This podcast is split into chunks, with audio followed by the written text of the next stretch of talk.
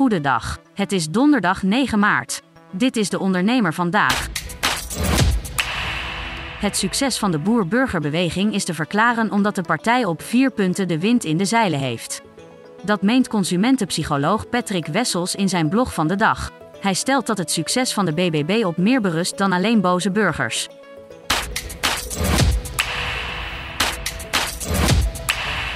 De vraag naar elektriciteit stijgt harder dan het tempo waarin netbeheerder Alliander het netwerk kan uitbreiden, zegt topman Maarten Otto bij het bekendmaken van de jaarcijfers over 2022. Afgelopen jaar werd meer elektriciteit gebruikt omdat consumenten en bedrijven meer elektrische auto's, zonnepanelen en warmtepompen hebben aangeschaft.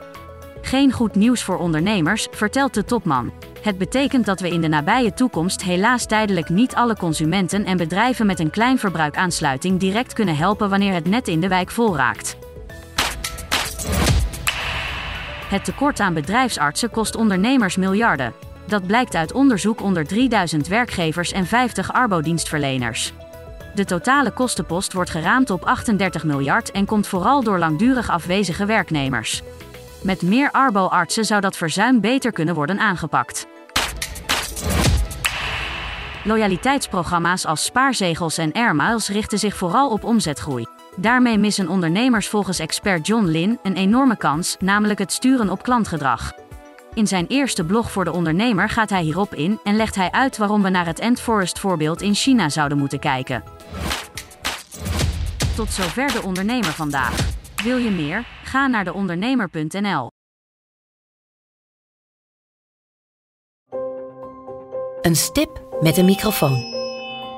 Voor een ondernemer die durft te dromen van het grote succes. Een ondernemer die in de spotlight stapt om de vakjury te overtuigen van het gouden businessconcept.